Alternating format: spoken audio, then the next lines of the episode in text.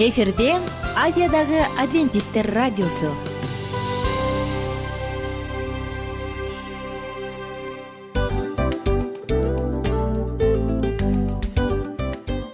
Достор салют. Баардык сүйүктүү угармандарыбызга салам айтабыз. Кутман күнүңүздөр менен. Ден соолук өмүрдүн булагы демекчи саламат саамы программасында баарыңыздарды көргөнүбүзгө абдан кубанычтабыз. Анда алгач амандашып өтөлү арбаңыздар деп. Ден соолугуңуздар кандай элибизде көбүнчө ден соолук кандай дегенде эле жакшы деп жооп беребиз э? ооруп турсак дагы жакшы дейбиз. Анан мен муну айтып ойлойт элем бул абдан сонун сөз депчи анткени бул жакшы деген үмүт да э ооба баары жакшы болот баары сонун. Деп үмүттөнүп атып эле өзүбүздү өзүбүз дарылап коебуз. Анысы кандай? Сиздин дагы ден соолугуңуз жакшы беш деген үмүттөбүз чындыгында ден соолук бул өмүрдүн булагы деп бекеринен айтылган эмес деп ойлойм. Кыргыз элинде анткени эгерде ден соолук жок болсо анда адамдын жашоосунда калган баардык керектүү маңыздуу нерселер өзүнүн баалуулугун жоготуп коет. Ошондуктан ден соолук бул эң керектүү нерсе. Ооба туура айтасың кесиптешим. Чынында ден соолугуң жок бир эки үч күн ооруп калсаң эле э кандай болуп калат? Жашоодо көз каранды болуп каласың көп нерсеге жетишпей каласың көп нерсени кыла албай каласың жада калса эшикке дүкөнгө да чыга албай каласың. Туптуура анан ден соолук болсо демек биз биздин бактыбыз тотой деп койсок болот. Анда достор саламат саамы рубрикабызды баштайлы. Алдыда өзүңүзгө керектүү болгон сонун кеңештерди уга аласыздар. Мына ошондуктан биз менен бирге болуңуздар. Ал эми биз болсо милан жана айнура. Кеттик алга. Алга саламат саама ден соолуктун жарчысы. Саламат саама ден соолуктун ачкычы. Күн сайын сиз үчүн мыкты кеңештер сонун жаңылыктар кызыктуу фактылар. Биздин рубрикада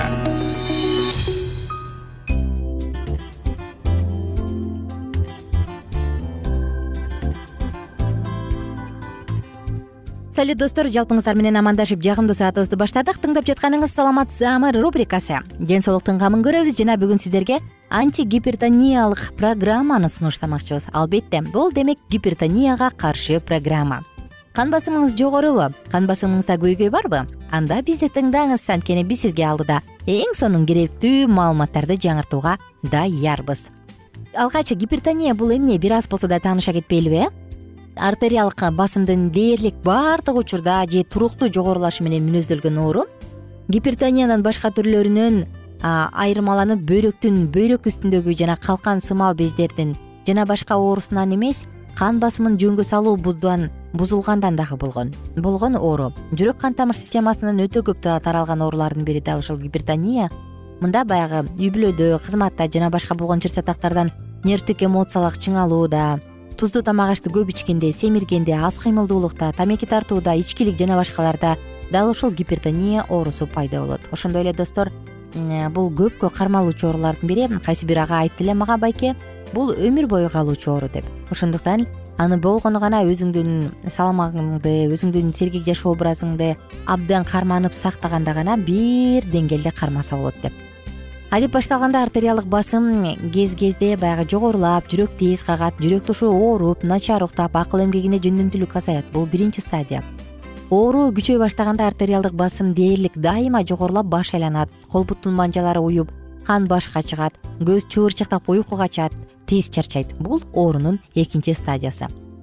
Ал эми үчүнчү стадияда артерия басымы дайыма жогору болуп дарылоодон нормага чейин төмөндөбөйт. Инсульт кан куюлуу жүрөктүн начарлашы байкалат.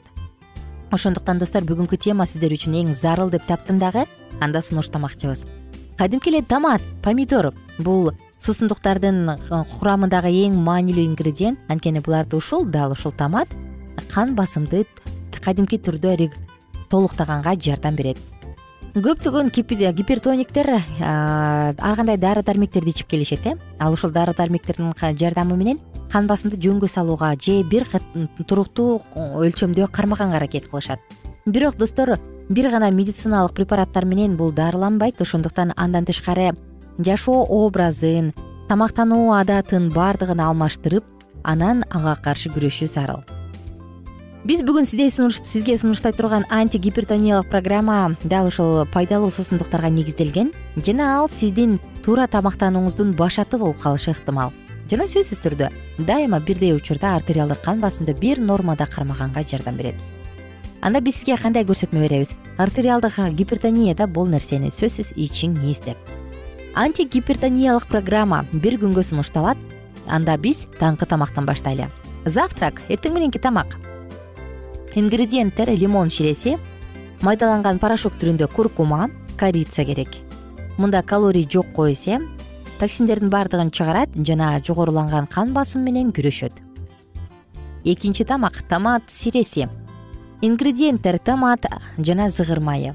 Эки жүз элүү миллилитрде жүз отуз тогуз килокалорий бар. Булар баягы простатаны сактагандан тышкары жана сүт бездерин сактагандан тышкары коргогондон тышкары тромбоздордун пайда болушун алдын алат. Караңыздарчы жөнөкөй гана томат же болбосо помидор оливка майы болду үчүнчүсү түшкү тамакка сунуштайбыз. Биз бир калыптагы пульс деп аталган смузини сунуштайбыз. Сизге керектүү ингредиенттер шабдалы апунция кактусунун жемиши соя сүтү жана майдаланган ваниль. Жүз жыйырма калорий эки жүз элүү миллилитрдин курамында бул дагы жүрөктү коронардык кан басымдын баардыгын тең бир жөнгө салганга жардам берет. Түштөн кийинки тамак. Алкоголсуз мохито сизге керектүү ингредиенттер мята имбирь лайм ананас ширеси. Ананас ширеси жок боло турган болсо анда рожок багынын сиропуна дагы алмаштырып койсоңуз болот. Эң даамдуу таттуу суусундук булардын баардыгы кан басымды көзөмөлдөгөнгө жардам берет ошондой эле достор кечки тамак жөнүндө сөз кылалы андалус гаспачосу. Ингредиенттер томат бадыраң таттуу перец пияз нан чеснок оливка зыгыр майы туз лимон ширеси муну дайыма колдоно турган болсоңуз кан басымды төмөндөтөт жана эгерде кан басым төмөн болсо аны бир аз өйдө көтөргөнгө жардам берет. Ошондой эле достор антигипертониялык программанын катарына эмнени киргизсек болот биз сизге сунуштообуз. Вегетариандык тамактанууну карманыңыз тагыраак айтканда эт азыктарынан толугу менен баш тартыңыз. Тузду азыраак өлчөмдө колдонуңуз. Катуу сыр башка сүт азыктарын толугу менен төмөндөтүңүз. Ошондой эле дайыма регулярдык түрдө физикалык көнүгүүлөр менен машыгыңыз. Тамеки чекпеңиз алкоголдук ичимдиктерден баш тартыңыз. Кадимки эле чеснокту мейли ал чийкиби же анын экстрактыбы. Дал ушул чеснокту колдонгонго дагы аракет кылыңыз. Достор бул сиздер менен бөлүшкөн бүгүнкү тема антигипертониялык программа деп аталды. Кааларыбыз оорубаңыздар гипертония коркунучтуу оорулардын бири. Ошондуктан бул оорудан алыс болгонго аракет кылыңыз.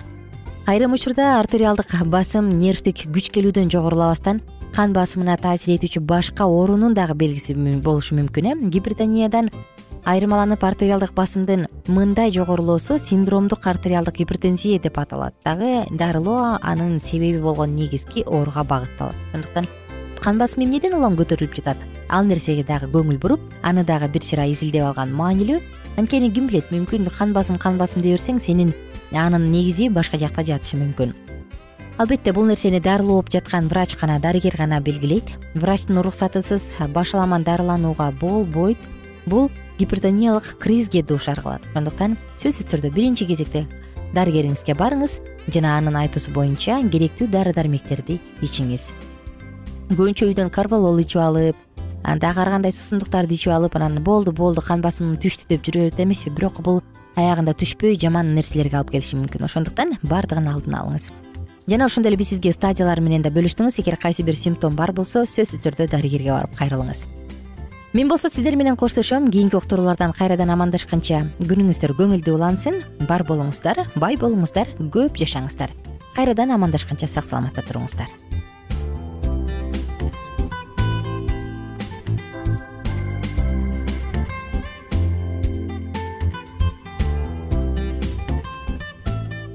Кененирээк маалыматтар үчүн үч w чекит саламат чекит клуб сайтына келип таанышыңыздар жана андан тышкары социалдык тармактарда youtube facebook жана instagram баракчаларына катталыңыз. Саламат саама ден соолуктун жарчысы. Саламат саама ден соолуктун ачкычы. Күн сайын сиз үчүн мыкты кеңештер сонун жаңылыктар кызыктуу фактылар биздин рубрикада.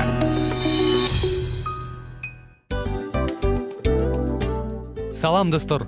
Кайрадан биздин сүйүктүү рубрикабызга кош келиңиздер деп айтмакчыбыз баардык замандаштарыбызга арбаңыздар деп саламыбызды айтабыз. Улуу ушундай бир урматтаган учурашуу менен анан дил маек радио баракчабызга чакырабыз. Негизи дил маек биздин рубрикабызда эмне жөнүндө кеп кылабыз? Бул дил маектин мааниси эмнеде рубрикабыз менен кичине тааныштырып кетсеңиз. Сөзсүз түрдө тааныштыра кетейин кесиптешим суранычы боюнча бул учурда бул радио баракчада биз ар тарап кесип ээлеринен сонун кеңештерди алабыз сүйлөшөбүз сырдашабыз аталарыбыздын эжелерибиздин апаларыбыздын кеңештерин угабыз. Айтор жан дүйнөгө адамдын э, сапатына адамдын деги эле адам болуп жашашына керектүү баардык кеңештер алдыда негизи э, дил маек дегенде баягы эки адамдын ортосундагы сырдашуу кенен сүйлөшүү. Негизи эле биз адамдар бири бирибиз менен бир жерге жай жерге отуруп алып өзүнчө тынч э, жашоо жөнүндө өмүрүбүздө эмне болуп атканын бөлүшкөнү жакшы көрөбүз э адамдар. Ооба туура айтасың анан мындай учурга кээде убакыт да жетпей келет э? Же болбосо сырыңды кайгыңды муңуңду кубанычыңды айткың келет адамга ишенбешиң мүмкүн. Ооба. А бул радио баракча угармандарыбыздын чыныгы досу. Анткени бизден алган кеңеш сиздин жашооңузга чоң жардам берет. Ал эми сиздин бизге айта турган сөзүңүз ортодо гана сыр бойдон калат. Ошондуктан биздин дил маек рубрикабызга дагы бир жолу кош келиңиздер. Жана биз даярдаган маалыматтарга даяр болуңуздар. Айнура жана милан сиздер менен бирге алдыга кеттик ар түрдүү ардактуу кесип ээлеринен. Алтын сөздөр жүрөк ачышкан сыр чачышкан сонун маек. Дил маек рубрикасында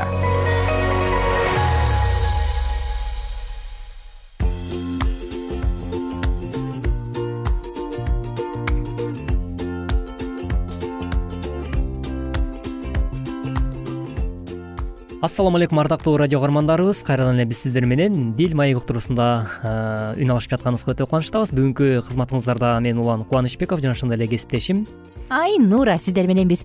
Салют достор жалпыңыздар менен кайрадан амандашканыма кубанычтамын. Чындыгында анткени биз сиздер менен ушунча тема бою талкуулап келе жаткан бул адамдын тагдырын чечип коюучу тема э. Адамдын тагдырын балтачаап же тескерисинче бактылуу болушуна салам кошкон тема.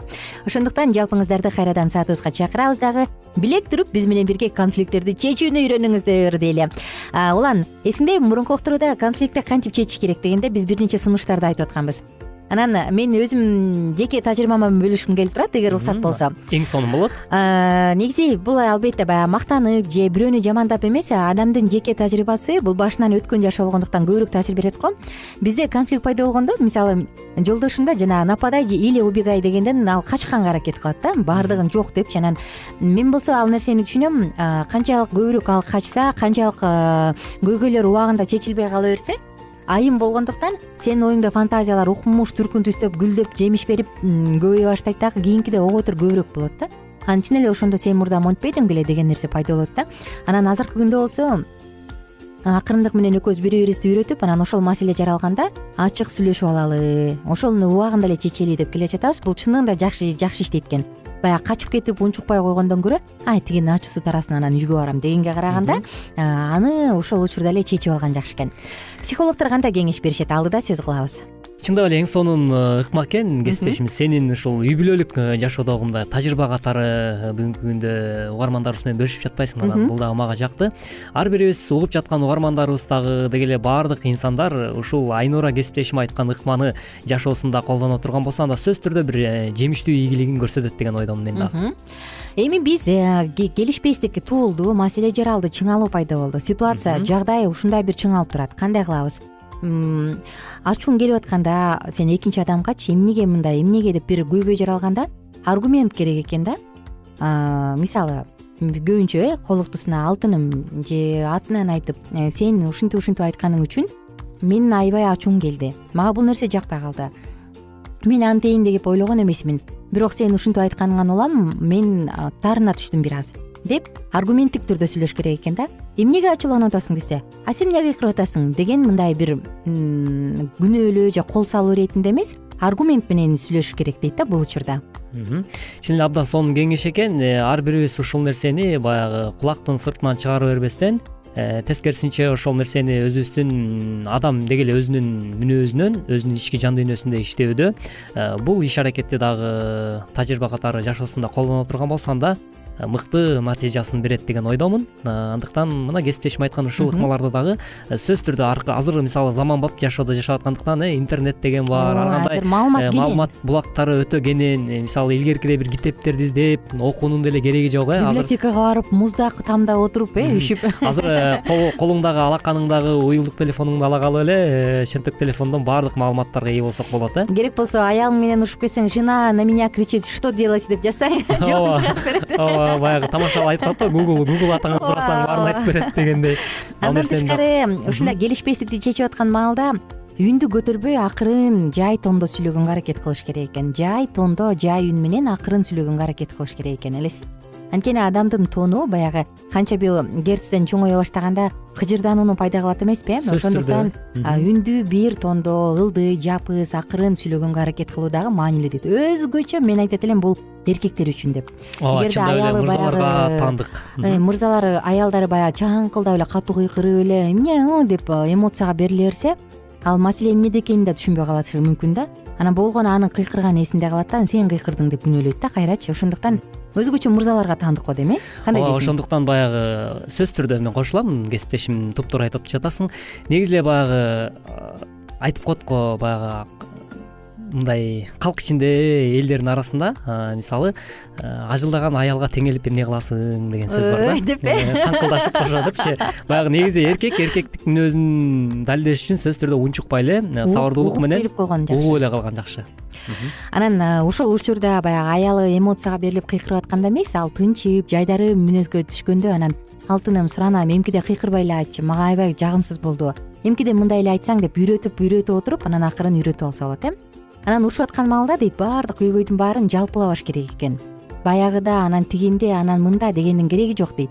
Ошол учурда пайда болгон гана көйгөйдү чечкиле дейт. Анан албетте конфликтти атайылап э, жаратпаш керек экен да атайлап ачуусуна тийип эрмектеп атайлап бир нерсе кылып кереги жок дейт. Анан дагы адистер аябай сонун бир кеңеш беришет экен мисалы үчүн э, ушул үй бүлөдө конфликттер улам улам от алып күч алып жалындап мисалы тутанып кетпеш үчүн э, сөзсүз түрдө баягы кыз жигит болуп жүргөн учурларды же болбосо баягы жаңы үйлөнгөн моменттерди ошол кезде э, мындай эстегенге аракет кылгыла деп үй бүлөлүк баягы семейный психологдор ушундай кеңеш берип келишет экен да. Мисалы кандай болот э жаңы үйлөнгөн учурда аябай эле жашоо жыргал. жашоо жыргал эмеспи анан ошол учурларды көбүрөөк эстегенге аракет кылгыла деген кеңеш мен дагы бир бул психолог эмес бирок жеке тажрыйбадан уктум эле бир адамданчы урушуп кеткенде дейт. Сен жолдошуңду келинчегиңди кайсы сапаты үчүн сүйүп калганыңды эсте дейт да? Абдан эмнесине ашык болдуң эле дейт? Сен мисалы сүйлөшүп жүргөндө эмнесине ашык болдуң эле? Кантип ал сенин жүрөгүңдү багындырып алды эле? Дегенде ошол сапатын эстеп ии чын эле деп мындай жибей түшөсүң го бул нерсе дагы абдан жардам берет дейт да. Анан ал адам айтат мен өзүмдүн жеке жашоомдо ушул нерсени колдоном дейт. Аи ушунун ушундай экенин ушундай экенине мен баа берип суктанып анан сүйүп калбадым беле ошон үчүн жүрөгүм багындырганга аракет кылбадым беле деп эстебей жардам берет дейт. Абдан жакшы ыкманы колдонуптур э, демек э, урматтуу мырзалар силердин дагы кулагыңыздарга күмүш катары айта кетели. мен улан айтат элем кесиптешим. Мунучу бул ыкманы урушкан деле эмес депчи. Ооба. Негизи эле мындай эстеп улам эмне ал келинчегиненби жолдошумбу артыкчылыктарын баса белгилеп суктанып турса бул албетте эки адам үчүн тең эле жагымдуу деп. Ооба. Дайыма мындай күндө деле сенин менде мындай кылганың жагат. Сенин бүгүнкү тамагың өзгөчө сонун болуптур. Негизи эле сен тамакты сонун жасайсың рахмат сага. Деп койсоңуз о эртең сизди сонун тамак эки биринчи экинчиси менен күтүп калат да ошондуктан э, ар бирибизге үй бүлөлүк э, жашообуздун бекем болушун кааласак анда комплимент айтканды эч убакта унутпайлы. Достор коштошобуз коштошчу маалга келдик. Кийинки уктуруубузда биз ушул теманы жыйынтыктайбыз дагы. Кийинки башка жаңы теманы көздөй аттанабыз. Ошондуктан биз менен бирге болуңуздар бар болуңуздар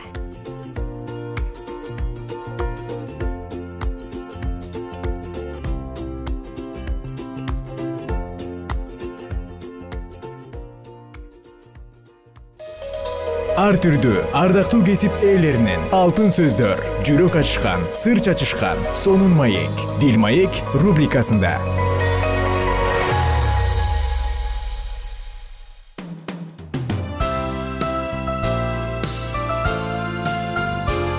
Эфирде азиядагы адвентисттер радиосу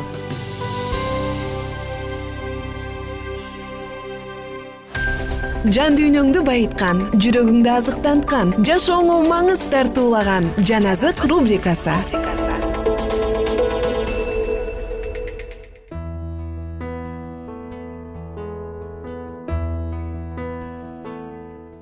Кутман күнүңүздөр менен биздин сүйүктүү досторубуз жалпыңыздарга салам кыргызстандыктарга жалпы элибизге ысык салам.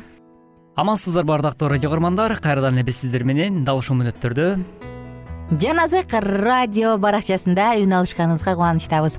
Уул кызыңыздар улан жана айнура кызматтабыз. Кесиптеш кандай? Эң сонун кубанычтабыз курсак тойгондон кийин уйку келген жокпу? Айтпа уйку келип баштады. Мына ушундай тарс эткенин баары тамаша бирок биз чын эле кесиптешим экөөбүз азыр тамактанып келип анан магдырап отурган чагыбыз э? Эгер сиз дагы бул учурда тамактанып жатсаңыз ичип жаткан тамагыңыз даамдуу болсун. Анан сөзсүз түрдө ар бир күн ар бир учур сизге бактылуу гана көз ирмемдерди тартууласын деген үмүтүбүз бар.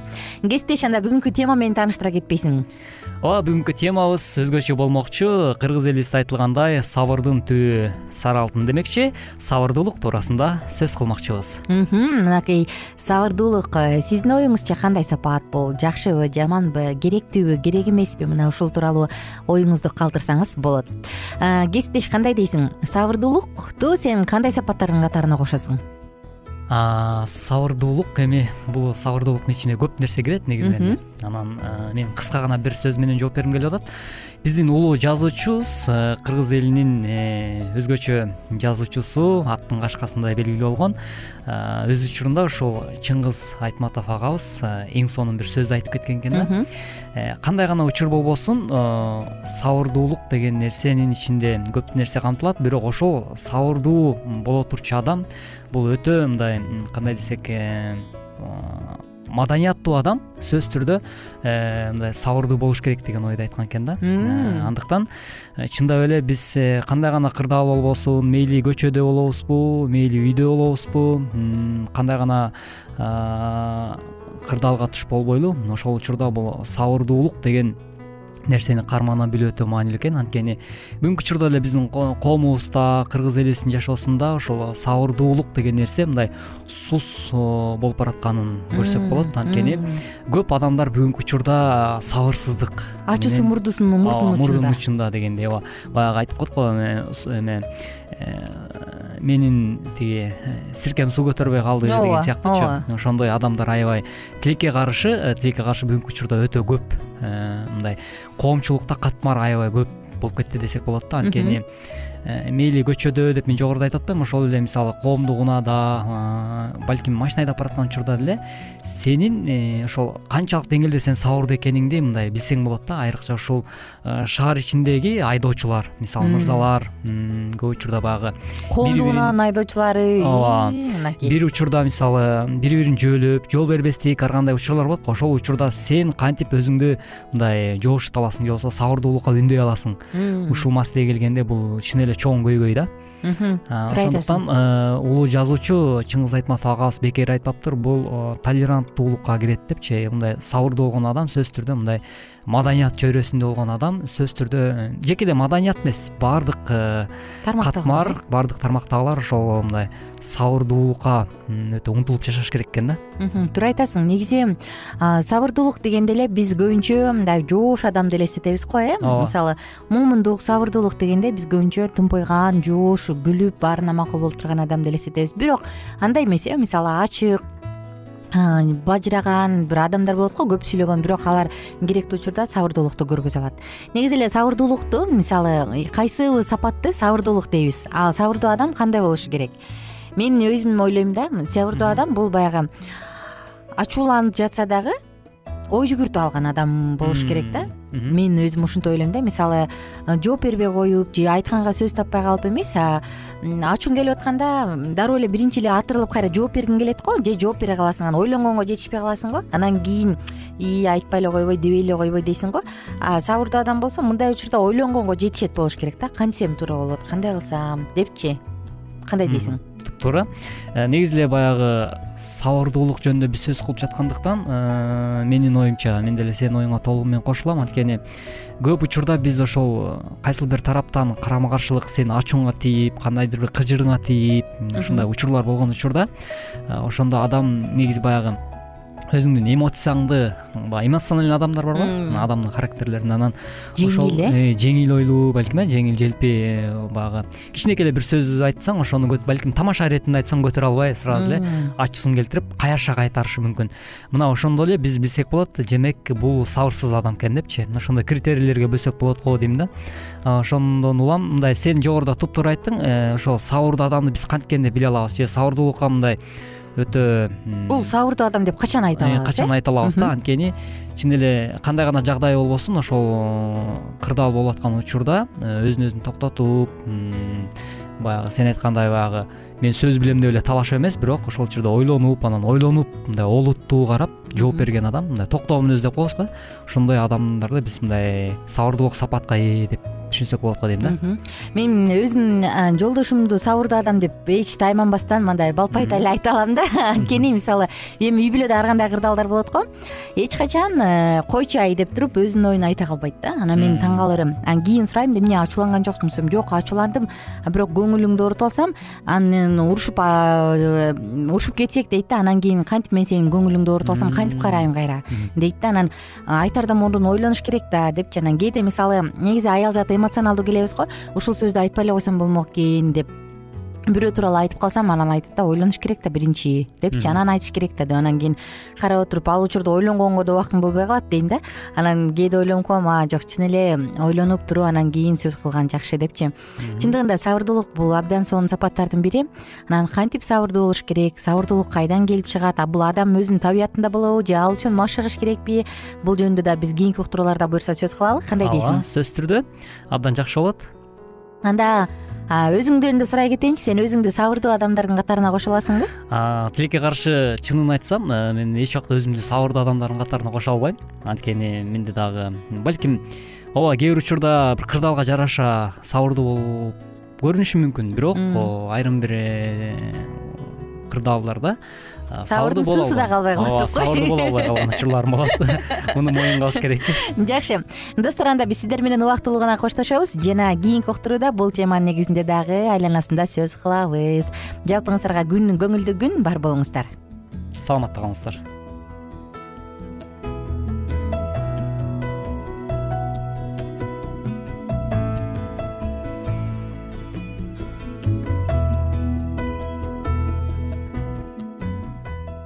эгер сиздерде суроолор болсо же көбүрөөк маалымат билем десеңиз анда биздин whatsapp номерибизге жазыңыз. Плюс бир үч жүз бир жети жүз алтымыш алтымыш жетимиш. Кайрадан плюс бир үч жүз бир жети жүз алтымыш алтымыш жетимиш